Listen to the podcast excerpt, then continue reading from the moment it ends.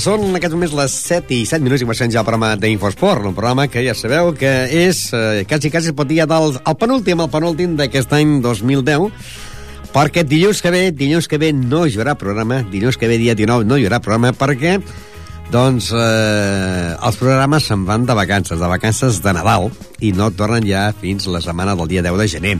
Sí, tindrem programa de divendres, el tindrem aquí, que tindrem el Club Bàsquet Ripollet. I també hem de dir, doncs, de que si vam un repàs al que ha sigut aquest cap de setmana al món del futbol, victòria del Ripollet, que segueix líder després de guanyar el Palafrugell per 0-1, victòria de la Pella Portilla Paglia, va guanyar eh, 2 a 6 al camp del Sant Joan de Montcada, eh? victòria de l'equip del Badia del Vallès, que va guanyar a l'equip de l'escola futbol base de Ripollet per 2 a 1, i a l'Estila, que va caure a casa davant de la Farga per 0 a 3.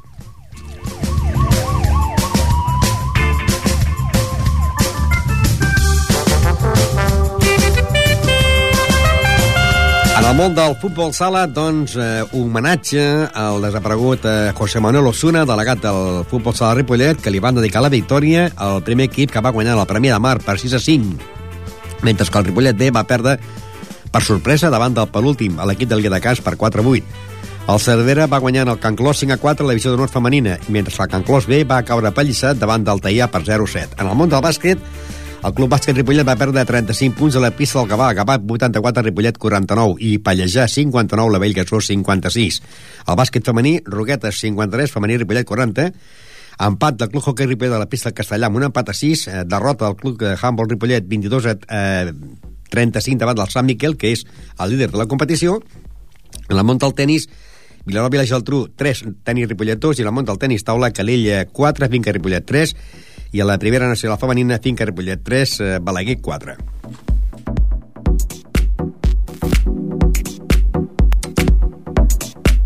I comencem ja el programa parlant del Club de Ripollet. Miguel, que estuviste en Palafrugell. ¿Buen Sí, tiempo no allí? Muy buen tiempo, sí. Por la mañana me pude bañar en la playa y todo. ¿Bañaste en la playa? Sí, sí, me atreví. ¡Qué valiente! Había más gente, por eso. Pero luego cuando... ¿Bañándose o tomando el sol? Tomando solo había bastante gente y ¿Y tú bañándose... tomaste el sol o te bañaste? Las dos cosas.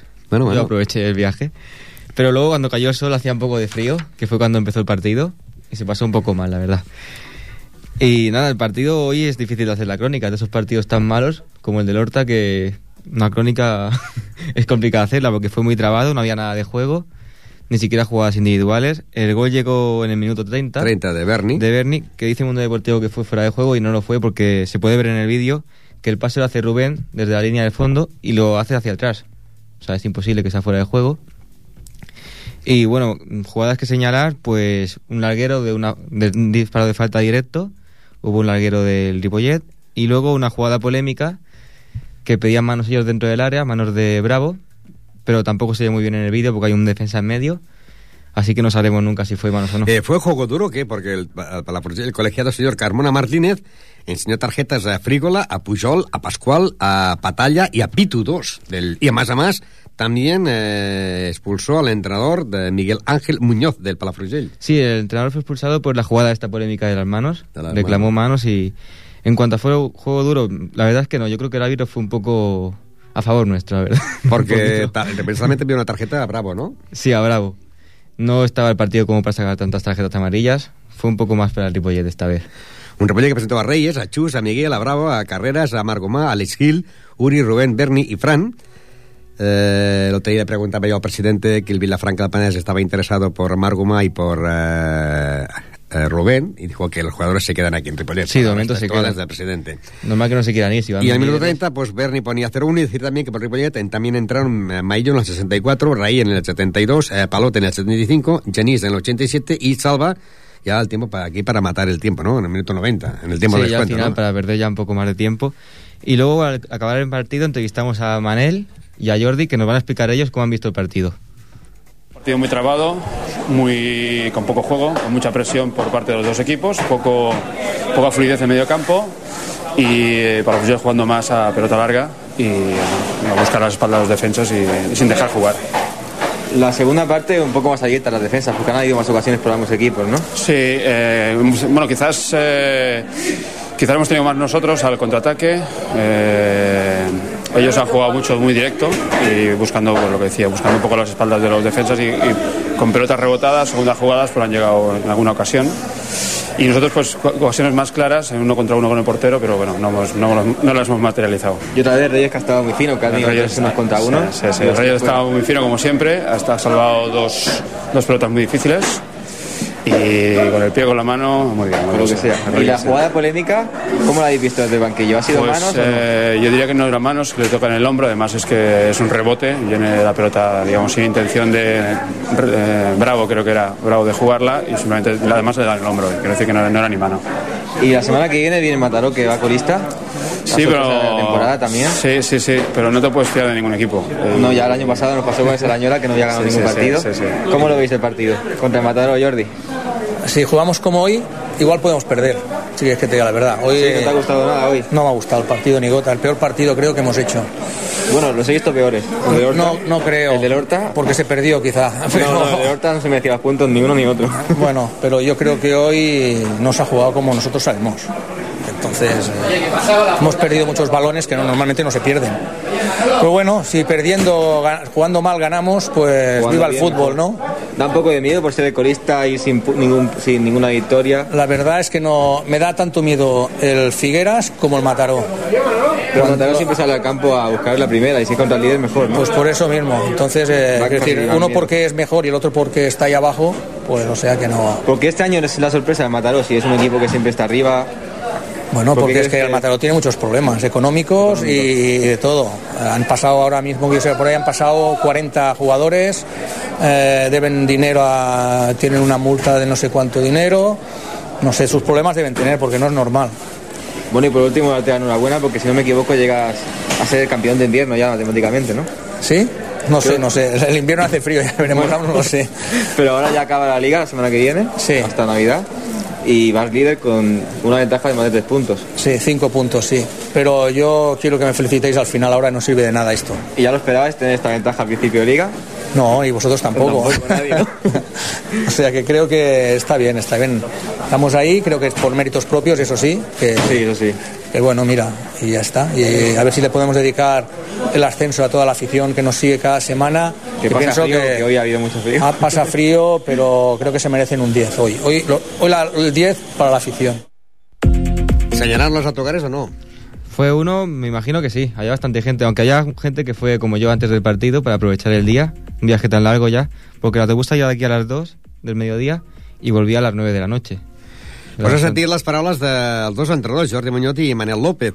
Eh, els resultats van ser Tona 0, Palau 1, Horta 2, Àvia 2, Figueres 2, Premià 0, Mataró, pròxim rival del Ripollet, eh, 0, Granollers 4, Manresa 1, Turó de la Peira 1, Canyelles 1, Mollet 2, eh, Caçà 2, Banyoles 1 i Gironella 1, eh, Farners 1 i Palafrugell 0, el Ripollet 1, gol de Berni.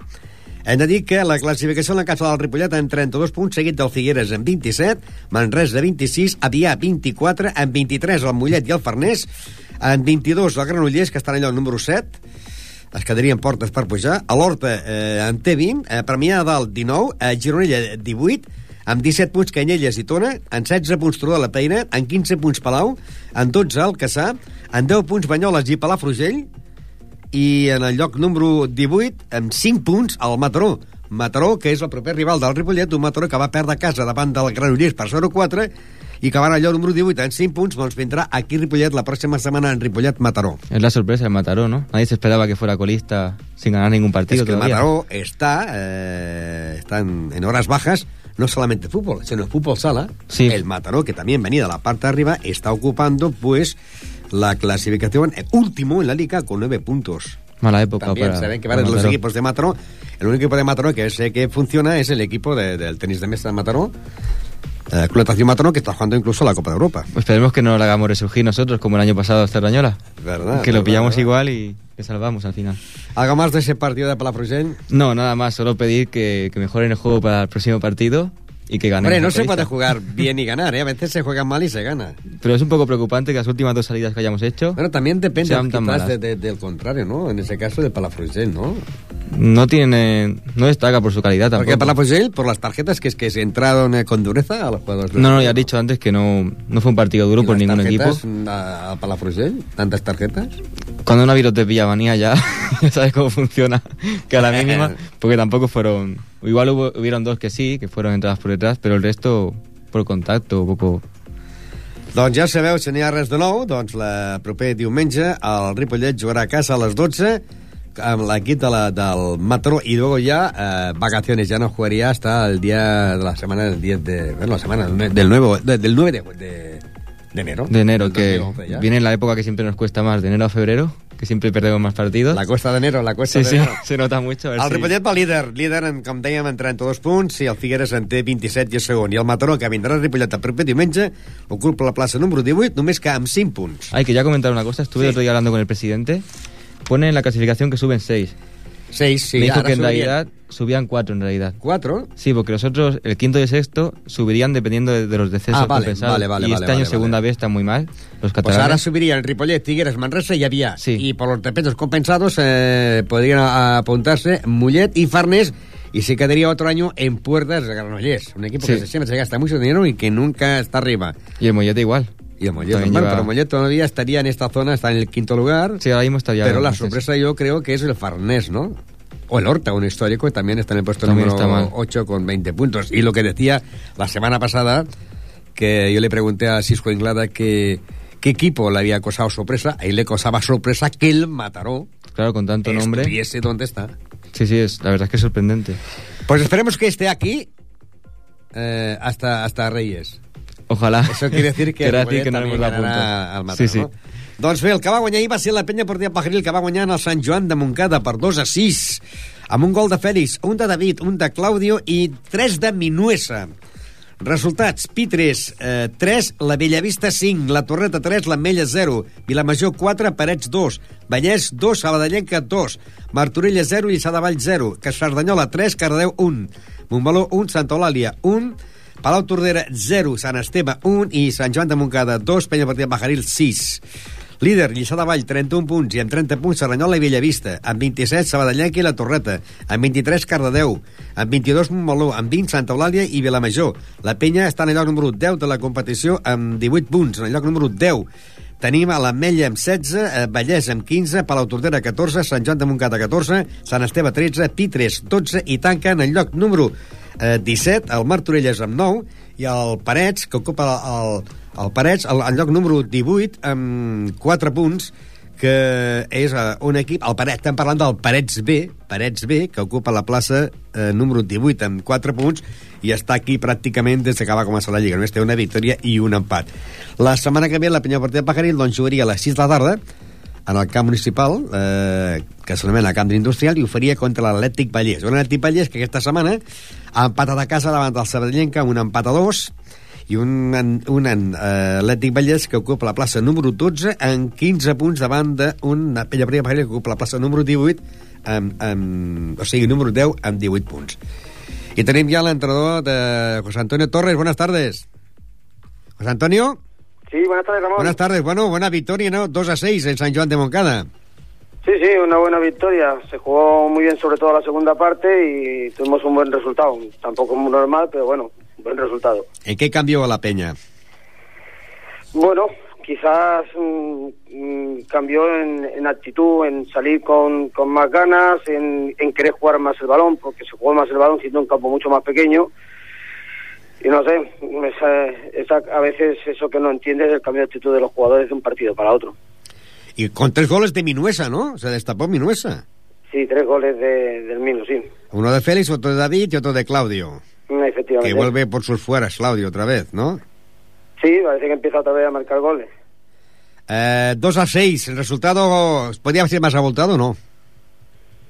¿Tuviste Bueno, más creo ocasiones? Sí, alguna más se tuvo, pero también tuvieron alguno de ellas. Yo, pienso que es un buen resultado. Yo creo que más sería exagerado.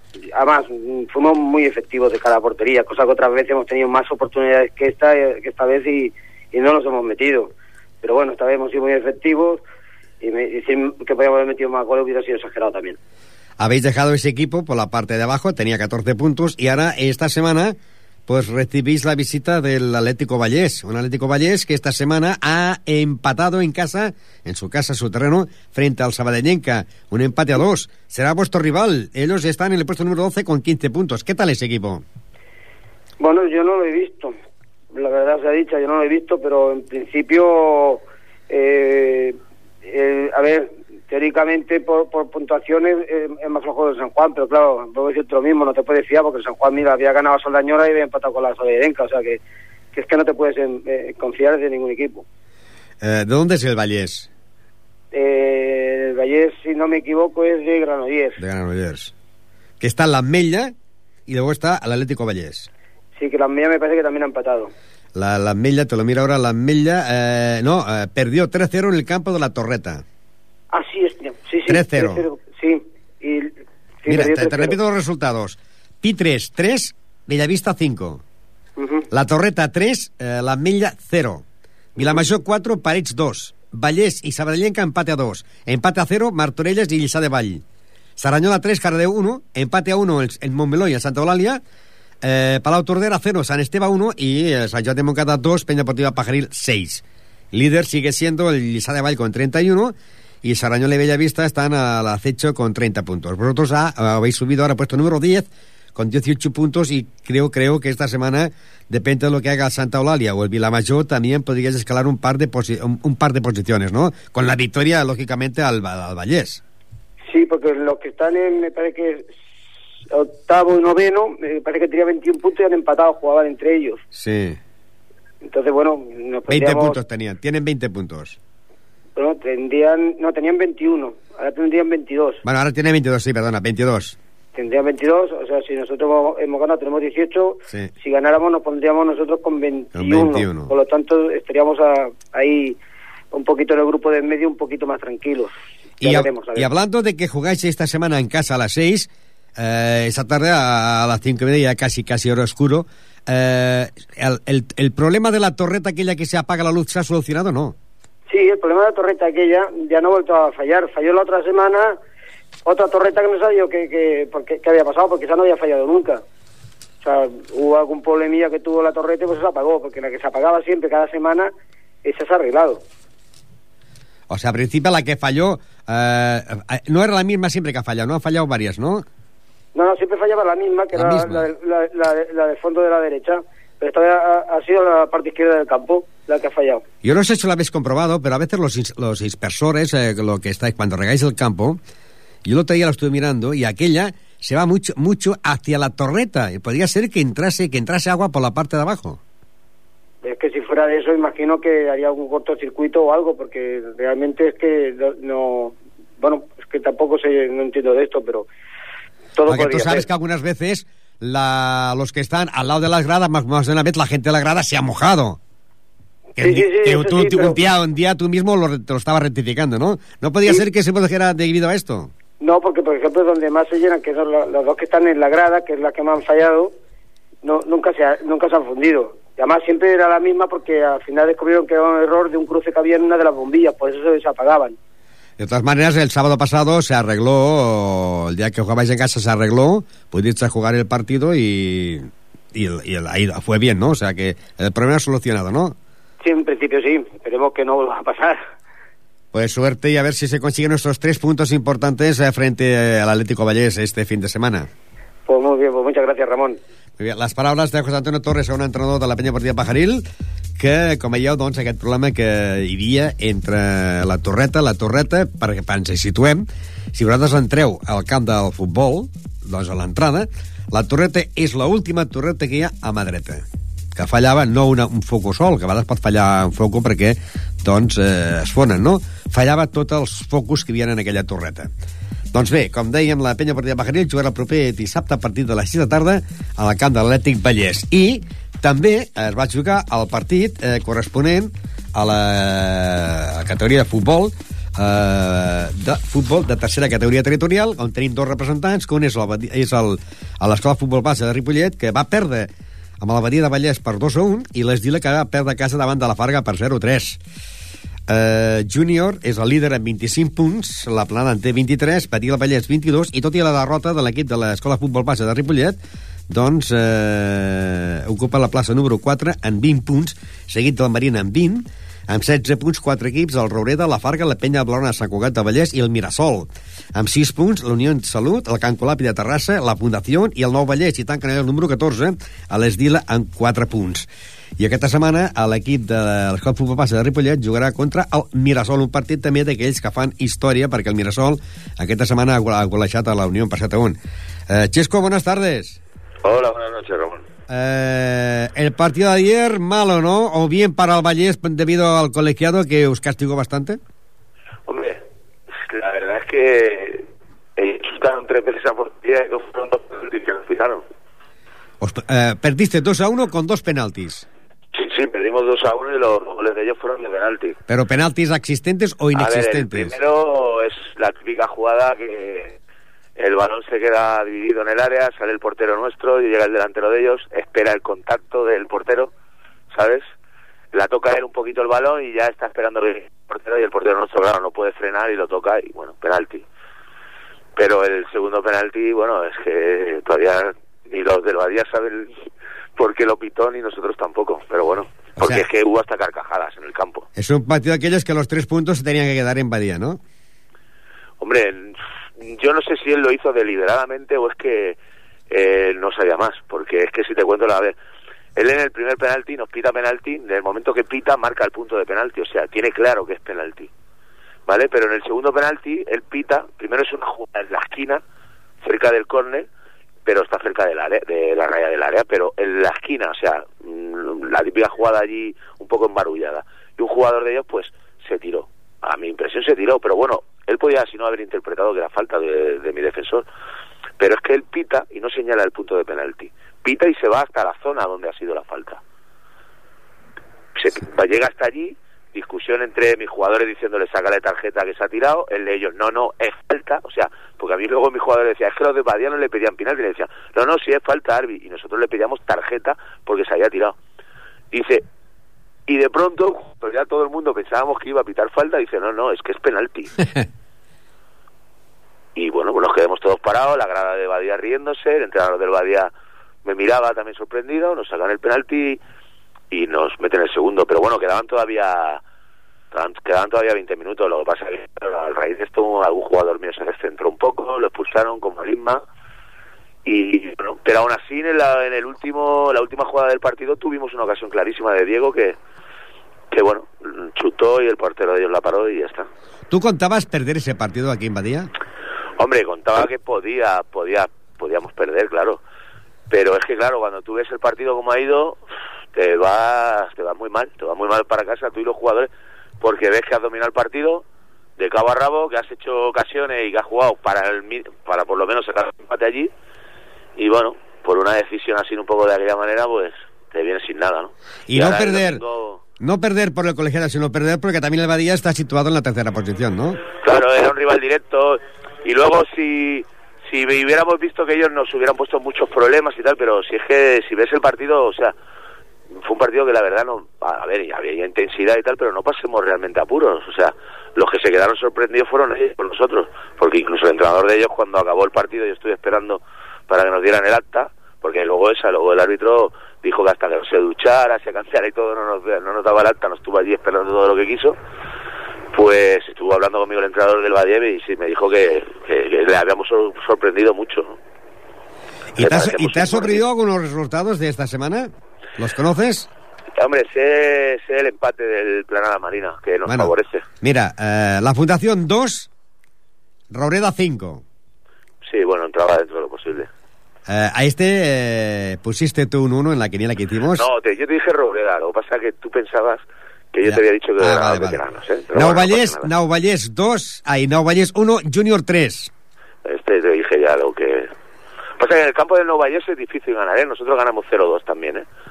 Peñado Grana Sacugat 6, Can Colapia Tarrasa 0. Sí, bueno, también. Mirasol, vuestro rival próximo, 7 a 1 a la Unión. Sí, le metió 7, sí, pero bueno, yo conozco gente de la Unión y aparte de que el Mirasol tiene un buen equipo, no lo vamos a dudar y es un hueso esta semana. El, la peña de o sea, la fundación, perdón, la salud tenía dos sancionados a raíz del partido del Badía y le fue como por el equipo justo, con 11 jugadores, no sé si le expulsaron a algún jugador también. Y bueno, que por eso de la goleada, ¿no? Que, ganara el Mirasol seguro, pero la goleada viene un poco dado por eso. Y luego la planada cero, Marina cero, que este, este resultado os viene a vosotros. Sí, nos viene bien. Ahora, Sí, y si hubiéramos ganado ya no te quiero. ah, si hubiera ganado os poníais empatados con el segundo, que es la planada. Ya, ya, pero bueno. Y luego les Dila, que perdió 0-3 frente a la Farga. Pero esta semana recibiréis la visita del Mirasol. Un Mirasol, pues Sí, que vendrá ¿eh? como goleador, 7-1. Es, el, el Mirasol es un hueso y luego aparte nosotros, Diego esta semana no puede venir. Estamos hablando de Diego Pérez, el, el, el Sí. goleador, ¿no? Sí, nuestro jugador que lleva más goles, sí. Esta semana no puede venir por trabajo. Recupero a David, eso sí. David. Y Farid se ha ido de vacaciones fuera y tampoco está. Y tengo de sanc- sancionado a Lisma. Bueno, pero bueno, la plantilla es grande y, y tenemos que ganar. No, lo que pasa es que en casa vosotros eh, causáis respeto, ¿eh? Los equipos tampoco vendrán a... A ver, nosotros de momento este año lo priori- la prioridad es en casa que no se escape nada. Si esta semana volvemos a ganar, el pinchazo, entre comillas, del campo del Badía no, no tiene tanta importancia. Lo que pasa es que estamos obligados a ganar, claro, y el Mirasol no es un equipo fácil, ¿eh? Es un equipo que tiene experiencia, tiene, son guerrilleros, le sigue gente, vendrán gente también aquí al campo, o sea que desde aquí también, si alguien se quiere acercar este domingo a darnos ánimos, que venga, porque ellos vienen y apretan y es un equipo que es correoso. Por el momento, todo y con la derrota de esta semana, estáis en el, en el cuarto lugar con 20 puntos, a tres nada más, a un, a un partido ganado, ¿no? De la planada, Sí. que es el segundo. Sí, sí, sí, por eso te digo que si ganáramos en casa es no es un bueno, es un pequeño trompezón lo de Badía. Esperemos, pues, que, que tropiece aquí y sea el equipo del Mirasol. Eso espero yo también y deseo. Gràcies. A ti, Ramon. Les paraules de Xesco, entrenador, doncs ja heu sentit. Dos penals, eh, un, doncs, eh, que la gent, hasta la- l'entrenador deia perquè el primero, pues sí, pero el segundo, pues no era penalti, que si tarjeta, que si es falta, los jugadores reclamando falta, y después el árbitro dice, va y pita penalti. I no, és que no és falta, és penalti. Vaya. Total, pues, eh, 2 a 1 favorable a l'equip del Badia del Vallès. Eh, com dèiem, eh, líder júnior 25 punts, seguit de la plana amb 23, Badia del Vallès 22 i l'Escola Futbol Base de Ripollet està al lloc número 20, eh, o sigui, perdó, en lloc número 4 amb 20 punts, Marina 20 eh, i en 16 punts Rauré de la Farga, Penya Blaugrana i, Mi- i Minasol i amb 6 punts la Unió de Salut Can Colop i Fundació i, i eh, Nou Vallès i en 4 l'Estila de Ripollet que aquesta setmana va perdre davant de l'equip de la Farga eh, eh, Esdila 0, la Farga 3 i que la setmana que ve a l'Estila doncs es jugarà al camp del Marina. Un Marina que aquesta setmana ha empatat a 0 al camp de la Planada. Un Marina que eh, és el cinquè a la Lliga amb 20 punts serà el rival de l'equip de l'Estila un Estila que juga millor amb els equips de, de dalt que el de baix. Rubén Marín, buenas tardes Hola, buenas tardes. Bueno, estábamos diciendo que el, el equipo del Esdila siempre juega mejor casi casi con los equipos que van arriba que con los de abajo, ¿no? Bueno, vamos a ver. eh, resulta que los cuatro o cinco primeras jornadas fueron las que jugamos con la gente de abajo. Y claro, aún no habíamos hecho una, una pretemporada muy corta, no nos conocíamos, mm, 28 jugadores entrenando, eh, poca afinidad entre ellos, eh, todo todo nuevo, yo también nuevo, competición nueva, entonces pues mm, yo creo que empezamos en la sexta jornada a empezar a, a formar el equipo y ahora pues estamos intentando hacer táctica y demás y poco a poco lo estamos asimilando, pero claro, han venido todos los equipos de arriba. Esta semana habéis perdido 0-3 frente al equipo de la Farga, pero esta semana jugáis fuera en el campo del Marina. Un Marina que esta semana ha empatado a cero en el campo de la Planada, que es el segundo. ¿Qué tal el Marina para ti? Marina, por lo que se ve, tiene una defensa bastante fuerte, es un equipo bastante duro. Eh, Para mí la planada era es- es un buen equipo y bueno y no han conseguido marcar. Eh, bueno, comentamos, yo comentaré con el entrenador de la planada que he quedado en hablar con él mañana para ver cómo, cómo fue el partido y demás, a ver qué me puede indicar. Y bueno, veremos. Es, es una hora un poco complicada, el sábado a las 8 de la tarde. Sábado jugaréis. Sábado a las 8 de la tarde. Es un poco mala la hora, un poco tarde, pero bueno, veremos a ver. Nunca habíamos jugado tan tarde y un sábado. eh, me faltan bastantes jugadores porque tengo tengo chicos que hacen de camarero y el sábado es una cena, es un día clave para cenas de empresa y vamos un poquito en cuadro al partido. Un cuadro frente al Marina que es el quinto con 20 puntos. Porque claro, tú, eh, el problema que tienes tú es que eh, como venías del deporte base, a esos equipos casi no los conoces, ¿no? Claro, no conozco a ninguno, yo soy soy de Gabá, teníamos nunca eh, el grupo de, de Ripollet, conocía a los, la gente de Bacho Bregat y poco más. Y claro, con mm, la categoría bastante más altas, eh, claro, de, de ayudar a un segunda B, de segundo entrenador, o de ayudar, a- de estar de primer entrenador en tercera, a ponerte en un equipo de tercera regional, pues la diferencia es abismal, sobre todo a la hora de confeccionar entrenamientos, que disponemos de medio campo, eh, bueno, luego pues la gente siempre está trabajando, eh, te digo, a lo mejor tenemos siete, siete bajas para este sábado. ¿Y cuál bajas. es, cuál es la, la categoría o los equipos más duros o que juegan mejor, la parte del Vallés o la parte del Baix Llobregat? Yo creo que aquí hay más rivalidad en el sentido de que hay cada municipio e incluso tiene cuatro y cinco equipos. Entonces, por un lado, eh, hay diferencias de que eh, los equipos a lo mejor tienen un pelín menos de nivel porque se reparten entre más equipos, pero un equipo que tiene categoría, pues eh, si subes a ese año o quiere mantenerla o lo que sea, siempre sobrevive a través de los equipos de- de- del municipio. Claro, un jugador de Gama o de Vila de Cans, pues le da igual jugar en el Vila de Cans que en el Cans, que en el cerca, o sea, los dos son de, de Vila de Cans. Si te ofrecen eh, siempre algo mejor o tienen mejor equipo y mejor categoría, pues no salen del municipio. Entonces siempre es más fácil, y hay más rivalidad, creo yo. No sé si fuiste a ver que dijiste que irías a ver el baloncesto Gabá-Ripollet. No, no me acerqué al final. Pues, me eh, hablando con los jugadores y demás, ya digo, tengo muchas bajas para este sábado. Eh, vamos a ir, vamos a ver si tenemos gente de banquillo y a ver Sí. quién podemos No, llevar. te digo porque el Gabá, tu, tu equipo de baloncesto, pues eh, ganó de 35 puntos al Ripollet. El hay que reconocer que Gabá está dando buenos entrenadores, tanto en básquet como en fútbol. Gabá tiene el entrenador del primer equipo del básquet del Barcelona y del balonmano, los dos son de Gabá, Sí, son sí. coordinadores del de ayuntamiento junto conmigo. El Xavi Pascual, los dos se llaman Xavi Pascual, y uno es entrenador de balonmano, que va líder en la categoría, y del Barça de básquet, que, el año pasado quedó campeón de Europa. Estáis fuertes los de Gabá, ¿no? Estamos fuertes. bueno, a ver si estáis fuertes con, con el Esdila y, y esta semana dais la campanada y ganáis en el campo de la Marina el sábado. Se intentará, se intentará, pero yo eh, confío, no sé lo que pasará este sábado, que ah, después del derby, que es la semana siguiente, ya es para el año que viene, eh, jugaremos con cuatro o cinco equipos de tabla por, por medio medio baja y ahí tenemos que sumar, pues, no sé, de 15 intentaremos sumar 10 mínimo y levantar un poco el ánimo de la gente. Suerte! Muchas gracias. Les paraules de Rubén Marín, que és l'entrenador de l'equip de, de l'Esdila.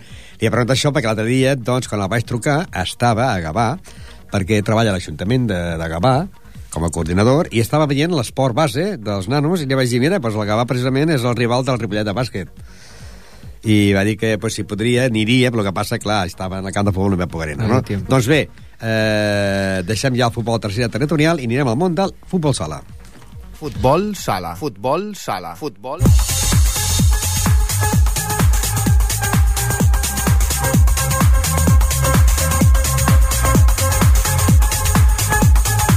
I anem ja al món de futbol sala, que la setmana passada, doncs, bueno, aquesta setmana, ja va haver, la setmana passada va morir, ja ho sabeu, José Manuel eh, Osuna, delegat del futbol sala de Ripollet, i que donava la casualitat que aquesta setmana jugaven els dos equips a casa al B, que va perdre 4-8 davant del Viladecans, sorpresa, perquè el Viladecans anava penúltim i ara va en allò número 12 amb 8 punts, però el Ripollet, tot i perdent, va primer amb 21 punts, però pot perdre el liderat perquè la setmana que ve juga al camp de la Lilla, que és el segon i té 20 punts. I seria la propera setmana una Lilla que aquesta setmana ve guanyar a l'Esport Imprat per 3 a 9. Doncs bé, eh, el Ripollet va, va perdre per 4 a 8, l'estem parlant de l'equip B, i va marcar Cristian, Isaac, eh, Sánchez, Sergio Sánchez i Lozano, i tots els gols que marcaven els jugadors el dedicaven, doncs, mirant tots cap a la taulada del pavelló, cap, mirant cap al cel, dedicant-li a eh, José Manuel eh, Osuna, i el seu germà, que estava a la, a la tribuna, i la seva mare, perquè José Manuel és solter, vivia amb els seus pares, i allà havia la seva mare, que li van fer una entrega d'un ram de flors. Després d'aquest partit, doncs, van sortir molt motivats al primer equip de la Lliga Nacional, però anem a recordar les paraules que manteníem amb Antonio Estremera mentre s'estava jugant el partit entre el Ripollet D i el Viladecans, que va guanyar el Viladecans per 4-8, estàvem parlant amb Antonio Estremera de la persona de José Manuel Osuna. Sí, de renovar el carnet de socio, ya empecemos la semana pasada, y bueno, y haciendo nuevos carnet, que la semana pasada se hicieron 11 ca- socios nuevos en el club. Y la noticia de esta semana ha sido que me lo comunicaste tú mismo, la muerte de José Manuel Osuna. Sí, se nos ha muerto el delegado, que que empezó en el B y ya lleva cuatro temporadas en el primer equipo, y estaba aquí pues con- ayudando todo lo que podía, aparte de ello con el primer equipo, estando echando la mano a lo que es el club. ¿Cómo sonó la noticia? Mal, mal porque el Manolo era una persona, era una persona del club, una persona que nunca tenía un no para nadie, no tenía, no tenía maldad ni nada, ni, ni era una mala persona y mira, y se ha ido una buena persona. Y da la casualidad de que hoy jugáis los dos primeros equipos en casa que intentaréis dar la victoria para dedicárselas a él, ¿no? Sí, así los dos equipos y todas las categorías inferiores, que de momento llevan 4 de 4 de las categorías inferiores ganando, dedicar la victoria a Manolo y a su madre y a su padre que venden hoy y a sus manos. Entran aquí y presentarán el partido, se hará un minuto de silencio como siempre, ¿no? Sí, y si no cambia, creo que le- se le va a dar un ramo de rosa de flores a la madre, antes de empezar el primer partido del primer equipo. Eh, precisamente en el programa de Infosport del viernes hice un especial eh, dedicado a, a Manolo y estuve pasando unas entrevistas efectuadas eh, diferentes años de todos los partidos que él presenciaba, ¿no? Que- Porque desde que se empezó con el Ripollet siempre estaba al pie del cañón. Sí, eh, eh, ahora le vamos a echar en falta, yo te lo digo, porque ahora de momento tenemos ahí el Paco de delegado, pero bueno, yo va a costar olvidar a Manolo, ya te lo digo yo, ya te lo digo yo porque es una persona que estaba siempre con los chavales, ya, ya conocía todo el tinglado de lo que cuando vienen los hábitos del equipo contrario lo que hay que hacer y es una pena, es una pena, para, una pérdida muy importante para el club. Y hoy precisamente viene un rival fuerte, ¿no? Premia de Mar. Sí, ahora estaba hablando con, con Fran y con Sergio que bueno, viene el peor equipo fuera de casa, solo ha conseguido un punto. Es verdad que en casa ha jugado 6, los 6 lo ha ganado 18, por eso está cuarto.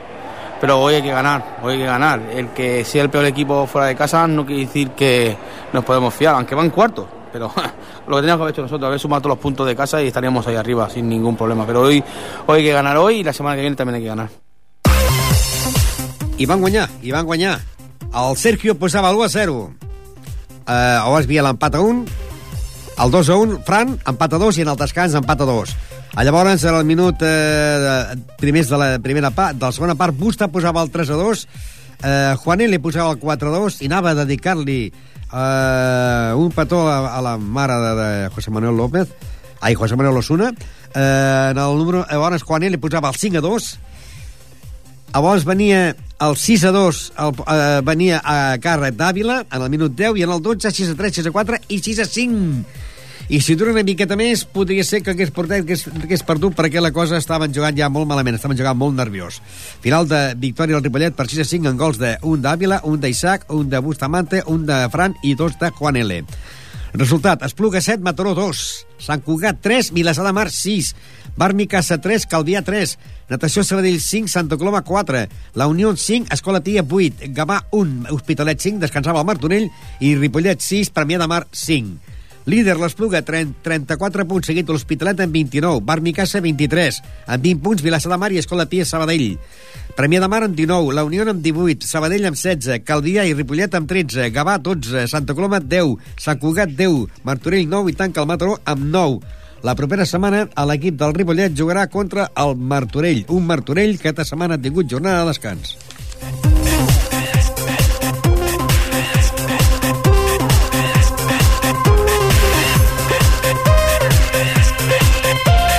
I seguim amb més futbol sala, futbol sala femení. Cervera 5, Can Clos 4, amb dos gols de Maria Ángeles i dos de Celi. Líder Sant Cugat, 19 punts, seguit de Vilassar de Mar en 15 i el Cervera 15. El Can Clos ocupa la plaça número 4 amb 12 punts. Per darrere, amb 3 punts, tenen el Montserrat i el Castelldefels. I la propera setmana, el Can Clos jugarà contra l'equip del Montserrat. Pel que fa a l'equip B del Can Clos, va perdre davant del Teià per 0 a 7. Can Clos B 0, Teià 7. Líder Sant Feliu, 18 punts, Arenys amb un 13 i el Can Clos ocupa la plaça número 7 amb 6 punts. La propera setmana el Can Clos B jugarà contra el Centelles.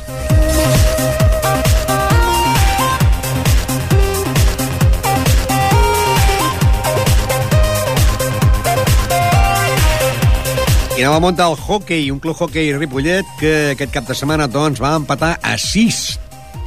Castellà 6, Ripollet 6. En gols de Pol Sicard, Josep Maria Garcia, un, un gol, eh, eh, un gol en pròpia porta i Àlex Escobosa que va marcar 3 gols. El Ripollet que va empatar a 6 al camp del Castelló del Vallès.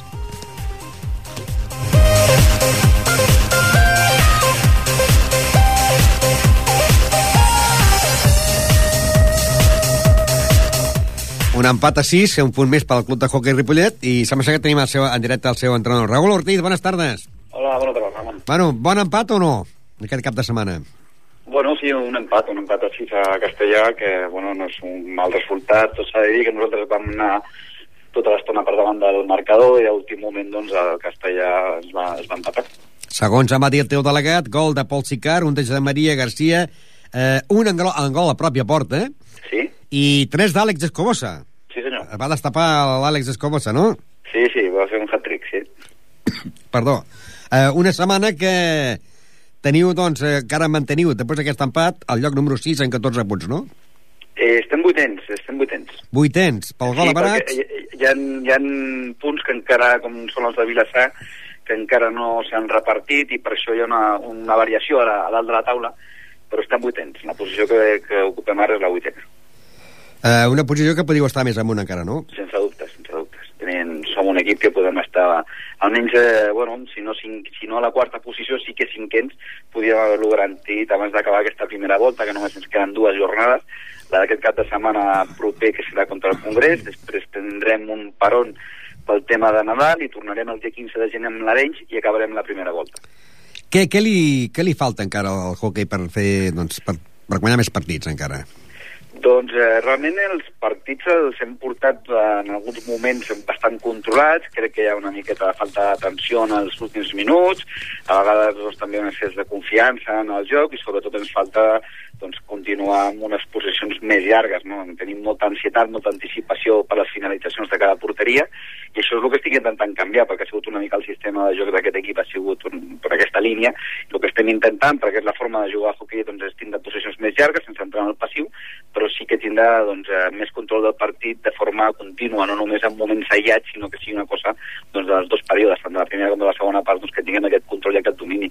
Realment som un equip que fem molts gols, tenim, som el, el quart equip amb més gols a, a favor i també en tenim bastants en contra, que això és el que ens està dificultant una miqueta doncs, que estiguem més amunt. Ai, parlant de gols, doncs ara et diré, eh, si no porto malament el compte, eh, els gols que heu marcat tant a casa com a fora, el Club Hockey Ripollet, eh, a casa heu marcat 24 gols Sí. i a fora n'heu marcat 41. Sí, sí, són dades, o, si més no, eh, que sobten una mica. Normalment sempre resultats de gols sempre són més positius a casa que fora, però en aquest cas és un equip que, que fa gol independentment de la pista en la, en la que es trobi. No? L'únic problema és, eh, i, i això ve una mica donat, com ja saps, per totes les adversitats i circumstàncies que van començar a l'inici de temporada, també hem tingut problemes de salut en el cas de la porteria amb, amb l'Albert Parera, que va tindre una sangina i va estar tres o quatre jornades tocadíssim, fins i tot amb antibiòtics, i això, doncs, clar, això al final passa factura, no? Per això dic que una mica el que ens pesa a nosaltres són els gols en contra a favor, els gols que tenim fets eh, indudablement són, són uns resultats fantàstics eh, per la jornada número 11, que és la que, la que acabem de deixar, però són els gols en contra els que ens estan... Ens estan 59 en contra en porteu. Sí, sí, sí, són massa gols. Hauríem d'estar, avui ho he mirat precisament, hauríem de tenir un coeficient d'un 2%, que això seria estar al voltant dels 30, 32 gols en contra amb aquests mateixos gols a favor, i això seria doncs, segurament, sense dubtes, una quarta plaça si, i fins i tot, eh, si m'apures, una tercera, perquè fins i tot els equips que estan per dalt, eh, la diferència està en els gols en contra, no en els gols a favor. Estem molt igualats en gols a favor. I aquesta setmana jugueu contra el Congrés. Contra el Congrés, un clàssic. Sí, perquè sí, molts jugadors del Ripollet han vingut del Congrés, no? Són del Congrés, Quasi efectivament. tots per són del Congrés, no? Sí, sí, és un, és un partit especial per l'equip, eh, eh, per això precisament perquè doncs, s'enfronten al que ha estat el seu club doncs, molts anys, no? O sigui, serà un equip, serà un partit d'aquells d'infart, no? Sí, sí, serà un equip amb que, un, perdó, un partit que, que, haurà, que jo crec amb, amb molta intensitat i que hi haurà un, un bon partit, perquè això sempre em motiva. Jugar contra el teu exequip és algo que sempre t'omple de, de motivació extrema. I esperem que no vingui aquell àrbit que no va sortint a la foto. Esperem que no. De, de fet, ens consta eh, a través de, de les gestions que s'han fet des del club que realment va, els, els hi va tocar aquesta d'alguna forma aquella àrbitre perquè hi va haver moltes eh, negligències o hi va haver moltes, molts efectes raros en tot el procés, no? des de l'arribada tard, al començament del partit, en no deixar fer el protesta, tot això al final també ells pagarà la seva, la seva multa la seva pena, no sé com serà. I com ha acabat la història dels porters, les sancions? Doncs estem amb, amb el Meli, que aquesta jornada complirà, que és la propera contra el Congrés, la, la vuitena, el, vuit, el vuitè partit de sanció, li quedarà només un, i a partir d'aquí ja tenim l'equip al 100% una altra vegada. Hem anat recuperant jugadors a poc a poc, perquè el Pol Vallès, el primer partit que ha jugat després de les sancions ha sigut precisament aquest contra el Castellà. Però Va ser massa, massa partits, no? El van expulsar masses partits, no? Bueno, és una cosa que s'ha fet recurs i fins i tot s'ha presentat un recurs davant el Tribunal Català de l'Esport perquè realment no, no, té, no se sosté per cap puesto. Realment és una sanció desmesurada, igual que la meva, de quatre partits sense haver-me eh, mostrat ni, car ni cartolina, ni haver-me fet constar en l'acte, ni l'informe posterior de l'àrbit, i tot això està molt desmesurat. No? Això és el que estem intentant ara, o està intentant la Junta del Club, doncs és demanar aquestes responsabilitats i el per què ha pensat aquesta, aquest, aquestes sancions tan desmesurades eh, sense tindre antecedents, almenys en el meu cas, no? i en el cas del Pol Vallès Costa, que també. Vull dir, no, mai, no, no, no s'havia vist mai per, per, per, una, per unes circumstàncies com les que van haver en el partit del Vilassar que les repercussions fossin tan estrictes i tan desmesurades, insisteixo. Molt bé, merci, sort i ens veurem el dissabte. Sí, senyor, gràcies, Ramon. A tu. Les paraules de Raül Ortiz, entrenador del Club Hockey Ripollet. Anem ràpidament ja en el món del handball. Avui se'ns ha apretat l'horari i anem a recordar que el Hockey Ripollet va perdre a casa davant del líder, el Sant Miquel, per 22 a 35. Diego va marcar un gol, que Diego és el porter, també va marcar un gol. Àngel 2, Òscar Pérez 2, Sergio 5, Adrià Jordana 3, Òscar Mojes 5 i Òscar Aguilar 3. És l'equip dels Òscars. Eh, líder, el Sant Miquel, amb 12 punts, seguit el Sant Pedor i el Sants en 10, Pardinyes 8, i l'equip del Humble Rivet està en el lloc número 10 de la competició amb 4 punts. I la propera setmana, aquesta setmana que ja estem entrant, jugaran a Cerdanyola. Dissabte que ve, Cerdanyola, Club Humble Ripollet. Pel que fa al món del tenis taula, hem de dir que aquest cap de setmana el Finca Ripollet va perdre a la pista del Calella per 4 a 3. Va perdre el partit de dobles, perquè en cas d'empat a 3 es fa el desempat amb un partit de dobles. Van perdre l'equip de dobles Calella 4, eh, Finca Ripollet 3. Líder, Atlético San Sebastián, que té 16 punts, seguit del Finca Ripollet en 10, Arteal de Santiago de Compostela 10 i el Calella amb 10. Tanca l'equip de l'Helios de Saragossa amb 2 punts. Per què fa? L'equip de la divisió de la primera nacional femenina el Finca Ripollet va perdre amb el Balaguer per 3 a 4 i encatçar la classificació el de la Selva amb 10, el Balaguer amb 10 i el Finca Ripollet en el lloc número 8 eh, o sigui, lloc número 3 amb 8 punts. Hem de dir que la setmana que ve el Finca Ripollet jugarà contra el Bàscara de Girona i que el Finca Ripollet de la Primera Nacional tindrà doble desplaçament a Saragossa. Jugarà el dissabte a les 5 de tarda contra l'Escul de Saragossa. Dormiran a Saragossa i el diumenge a partir de les 11 del matí jugaran contra la CAI Promeses de Saragossa i el Finca Ripollet. Mentre que l'equip masculí, que aquesta setmana ha tingut jornada de descans i continua sent líder de la competició amb 12 punts, la setmana que ve jugarà a la pista del Olot, que és el segon classificat. Primer, Ripollet Verdolai amb 12 punts, seguit de l'Olot amb 8 punts. I a darrere té amb 8, Vilanova 4 i els equips eh, lloc número 6 el Palma de Mallorca i el Sapova de Mallorca en 4 i tanca el Sallent amb 2 punts. La setmana que ve eh, s'enfrontaran el Ripollet, Verdolai i l'Olot a la pista de l'Olot pel que fa al món del tenis taula. I perquè fa el bàsquet, recordar que el Club Bàsquet Ripollet el tindrem aquí present el proper divendres. Tindrem el seu president Rafa Díaz i el coordinador Jordi Missol. Recordar que el Club Bàsquet Ripollet va perdre aquesta setmana la pista del Gavà per 88 a 49 i que ocupa la plaça número 16 amb 13 punts. La setmana que ve jugarà contra el Club Bàsquet Salou, un Salou que ocupa la plaça número 12 amb 16 punts. Un Salou que aquesta setmana ha perdut a casa davant de l'Esferit de Rassa per 86 a 87. Doncs el líder d'aquesta competició és la Salla Reus, que té 24 punts, seguit del Sabadell i el Valls amb 21, i que en aquest moment baixarien de categoria, perderien la categoria l'equip de el Vilanova i la Geltrú i el Club Bàsquet Ripollet i promocionarien Morell, Serranyola, Salou i Sant Cugat. Pel que fa al món del bàsquet femení, eh, i el bàsquet de la Bellgasó, que cap de setmana té van jugar els seus partits. I la Bellgasó va perdre en la pista del Pallejà per 59 a 56 i aquest any doncs, no li van bé gaire bé les coses pel Gasó, perquè un equip que sempre ha estat a les primeres posicions, l'any passat va quedar dels primers i va eh, renunciar i vendre la categoria, ara ocupa la plaça número 10 amb 14 punts després de perdre contra el Pallejà per 8, 59 a 56. La propera setmana, el proper diumenge, a, eh, a partir de dos quarts d'una, la Bellgasó jugarà contra l'equip del Cervelló, un Cervelló que aquesta setmana ha perdut a casa davant del Setmanat per 68 a 85. Un Cervelló que ocupa la plaça número 15 amb 12 punts.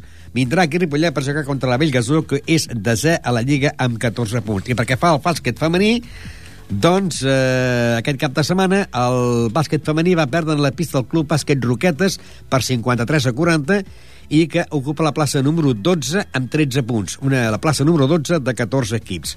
Líder el, el Collblanc La Torrassa amb 22 punts seguit del Cornellà amb 21 i el Llacià amb 20.